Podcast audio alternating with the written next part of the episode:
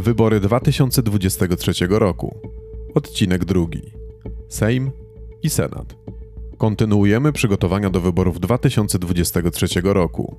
W dzisiejszym materiale zabiorę Was w podróż do serca polskiej polityki, czyli do Sejmu i Senatu. To właśnie tam podejmowane są decyzje o kluczowym znaczeniu dla całego kraju i jego mieszkańców. Czy kiedykolwiek zastanawialiście się, jak wygląda praca parlamentu? Jakie są jego kompetencje i jakie funkcje spełnia? Przedstawię Wam złożoność polskiego parlamentu oraz jego rolę w życiu społecznym i politycznym kraju. Sejm i Senat pełnią kluczową rolę w tworzeniu prawa. W ich rękach spoczywa władza ustawodawcza. Każdy Polak powinien posiadać choćby podstawową wiedzę o tym, jak działają najważniejsze organy w naszym kraju. Seria Wybory 2023, prezentowana na kanale To Polska właśnie, ma na celu w sposób przejrzysty i zrozumiały przybliżyć polityczne życie naszego kraju, tak by jesienią 2023 roku dokonać świadomego wyboru, odstawiając emocje na bok. Te zostawmy innym dziedzinom, takim jak sport czy rozrywka. Witam Was serdecznie na kanale To Polska właśnie, miejscu poświęconemu nowoczesnej historii, społeczeństwu i Polsce właśnie. Zapraszam do odcinka. Czym jest parlament? Parlament to najwyższy organ przedstawicielski oraz zasadniczy organ władzy ustawodawczej. W systemie parlamentarno-gabinetowym, a więc w systemie politycznym obowiązującym w Polsce, parlament jest najwyższym organem władzy państwowej. W większości rozwiniętych krajów zachodnich funkcjonują parlamenty dwuizbowe, czy inaczej bikameralne. W dwuizbowym parlamencie występuje Izba Pierwsza, bardziej popularna jako Izba Niższa, oraz Izba Druga, tak zwana Izba Wyższa. W Wielkiej Brytanii jest to odpowiednio Izba Gmin i Izba Lordów, w Stanach Zjednoczonych Izba Reprezentantów i Senat. W Polsce jest to Sejm i Senat. Izby drugie, często z mniejszymi uprawnieniami, nazywa się wyższymi. Określenie te zawdzięczają tradycji historycznej. Odnoszą się one bowiem do istniejących jeszcze w średniowieczu rad królewskich. Zasiadali w nim mianowani hierarchowie kościelni i wyżsi urzędnicy państwowi, a więc osoby pochodzące z arystokratycznych rodzin. Parlamentarzyści pełnią swoje funkcje przez określony czas zwany kadencją. W zależności od krajów i izby długość ta może wahać się od dwóch lat, np. w amerykańskiej Izbie Reprezentantów, do 7 lat w przypadku Senatu francuskiego. Najczęściej Izba niższa ma krótszą kadencję od Izby wyższej, choć długości te mogą być równe i tak właśnie jest w Polsce. W niektórych państwach, jak Francja, Japonia czy Stany Zjednoczone, Izba druga jest odnawiana nie w całości, a tylko częściowo. Ma to zabezpieczyć stabilność zmieniających się nastrojów politycznych w społeczeństwie. Pojęcie kadencji nie funkcjonuje w dosłownym jego znaczeniu w brytyjskiej Izbie Lordów, w której mandat był przypisany do rodziny arystokratycznej i dziedziczony, a obecnie jest otrzymywany dożywotnio. Liczba członków parlamentu waha się w zależności od wielkości państwa i tradycji. Z jednej strony mamy 25-osobowy parlament w Liechtensteinie, podczas gdy ogólnochińskie Zgromadzenie Przedstawicieli Ludowych w Chińskiej Republice Demokratycznej składa się z 2980 osób. Funkcje parlamentu. Parlament spełnia cztery funkcje: ustrojodawczą, ustawodawczą, kreacyjną i kontrolną. Funkcja ustrojodawcza. Dzięki tej funkcji parlament ma prawo uchwalić konstytucję lub wprowadzić do niej zmiany. Funkcja ustawodawcza. Na jej mocy parlament ma prawo do stanowienia ustaw, które są podstawowymi aktami prawnymi, powszechnie obowiązującymi w danym państwie. Funkcja kreacyjna polega na powoływaniu członków, którzy wchodzą w skład organów państwowych. W Polsce Sejm wyznacza członków Trybunału Konstytucyjnego i Trybunału Stanu. Za zgodą Senatu wskazuje kandydata na prezesa Najwyższej Izby Kontroli, Rzecznika Praw Obywatelskich, prezesa Instytutu Pamięci Narodowej oraz prezesa Narodowego Banku Polskiego. Funkcja kontrolna polega na sprawowaniu kontroli nad rządem. W Polsce to uprawnienie przysługuje tylko Sejmowi. Parlament w Polsce. Parlament Rzeczypospolitej Polskiej to dwuizbowy parlament, organ władzy ustawodawczej w Rzeczypospolitej Polskiej. W skład parlamentu wchodzą Sejm jako izba niższa i Senat jako izba wyższa. Gmach parlamentu RP mieści się w Warszawie przy ulicy Wiejskiej. Kilka słów o historii Sejmu. Słowo Sejm jest polskim słowem wywodzącym się od czasownika siąć się, co w językach słowiańskich oznaczało zebrać się. Pierwsze historycznie udokumentowane obrady Sejmu sięgają czasów panowania króla Władysława I Łokietka i są datowane na 26 maja 1331 roku. W roku 1493 król Jan I Olbracht zwołał Sejm Walny, czyli ogólnopolski zjazd, na którym wyłoniła się Izba Poselska, czyli osobna Izba Sejmowa reprezentująca interesy szlachty. Przełomowym momentem w dziejach polskiej Sejmu był rok 1505, kiedy to uchwalono ustawę Nihilnowi.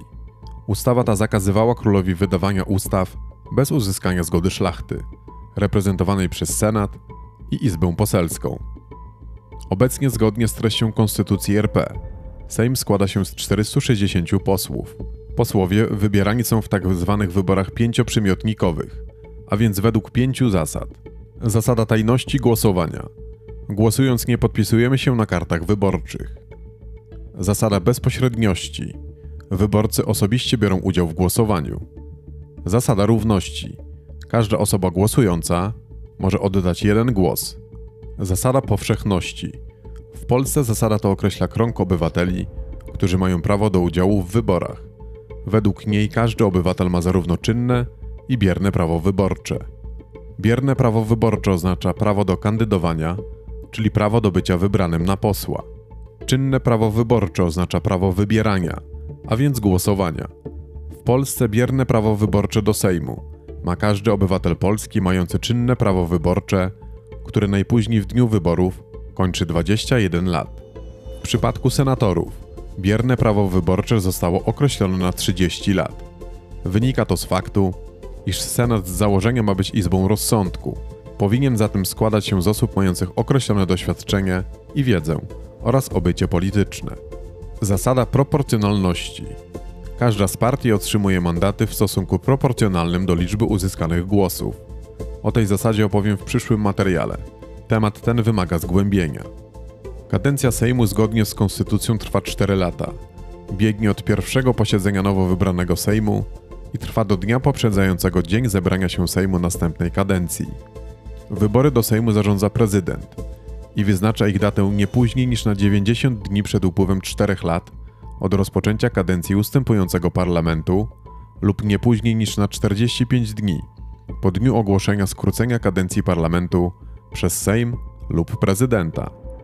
Urzędem wspierającym Sejm i jego organy w zakresie prawnym, organizacyjnym, finansowym i technicznym jest Kancelaria Sejmu. Kompleks budynków Sejmu i Senatu jest usytuowany na Skarpie Wiślanej w rejonie ulic Wiejskiej, Górnośląskiej i Piotra Maszyńskiego w Warszawie.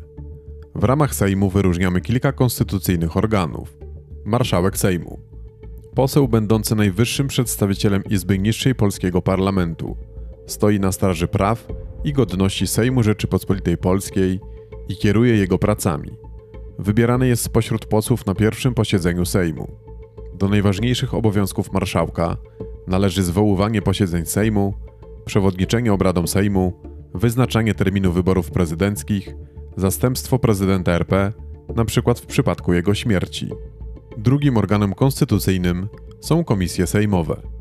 Dodatkowo wyróżniamy organy wprowadzone przez regulamin Sejmu, Prezydium Sejmu i Konwent Seniorów. Tyle słowem wstępu o Sejmie. Wyższą Izbą Parlamentu Rzeczypospolitej Polskiej jest Senat.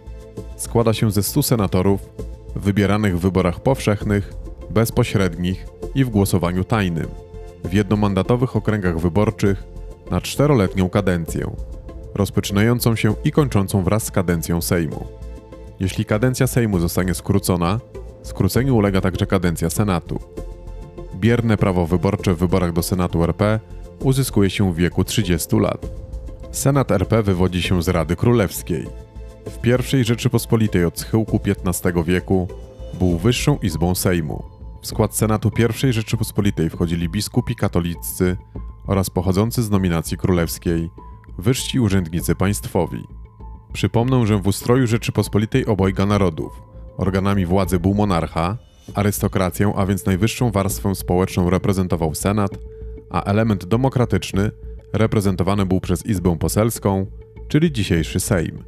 Do najważniejszych kompetencji Senatu należy zatwierdzanie ustaw uchwalanych przez Sejm, prawo inicjatywy ustawodawczej, wyrażanie zgody na zarządzenie przez prezydenta referendum ogólnokrajowego, prawo do wystąpienia z wnioskiem do marszałka Sejmu o przeprowadzenie referendum ogólnokrajowego, powoływanie dwóch senatorów wchodzących w skład Krajowej Rady Sądownictwa i powoływanie jednego członka Krajowej Rady Radiofonii i Telewizji. Ponadto Senat wraz z Sejmem uchwala ustawę o wyrażeniu zgody na ratyfikację umowy międzynarodowej oraz uchwala zmiany w Konstytucji Rzeczypospolitej Polskiej. Senat RP ma prawo do wypowiedzenia się na temat ustaw uchwalonych przez Sejm. W przypadku ustaw związanych z budżetem państwa, Senat ma możliwość zablokowania ich uchwalenia. W ten sposób Senat sprawuje kontrolę nad decyzjami Sejmu. Senat również ma prawo zgłaszania projektów ustaw. Może to robić na równi z posłami i jest to jedna z ważniejszych ról Senatu jako Izby Wyższej. Szczególnym organem konstytucyjnym jest Zgromadzenie Narodowe, które składa się z posłów i senatorów obradujących wspólnie. Obrady Zgromadzenia Narodowego zwołuje marszałek Sejmu w drodze postanowienia. Obradom przewodniczy marszałek Sejmu, a w jego zastępstwie marszałek Senatu. Parlamentarzyści podczas Zgromadzenia Narodowego są sobie równi.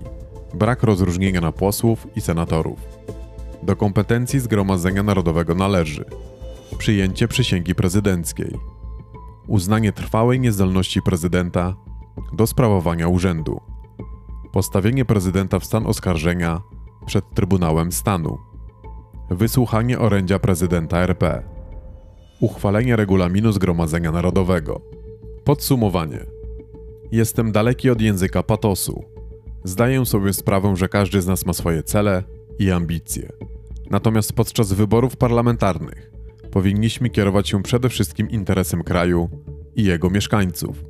Nasze wybory decydują o tym, kto będzie rządził naszym krajem i podejmował decyzje dotyczące naszego życia. Nieprzemyślane decyzje podczas wyborów parlamentarnych będą skutkować nieodpowiednimi decyzjami politycznymi, brakiem równości i niesprawiedliwości w kraju, a nawet destabilizacją sytuacji politycznej i społecznej.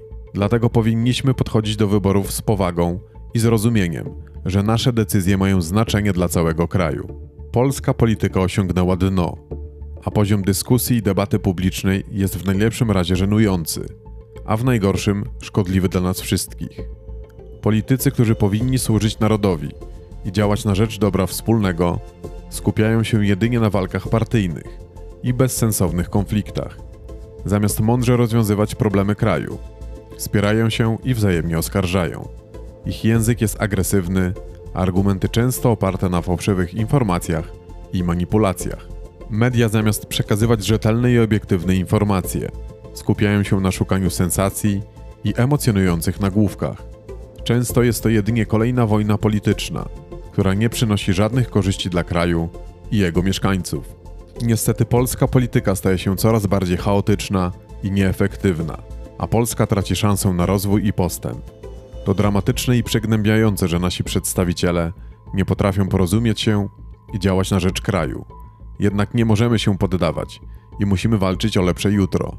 Musimy wybierać odpowiedzialnych i mądrych polityków, którzy będą działać na rzecz dobra wspólnego, a nie tylko dla własnych korzyści i interesów partyjnych. Dlatego właśnie powstaje ta seria dotycząca wyborów 2023 roku. Zorientowanie się o co toczy się gra i jakie są jej zasady będzie kluczowa dla podjęcia świadomej decyzji przy urnie wyborczej. Dziękuję za dzisiaj.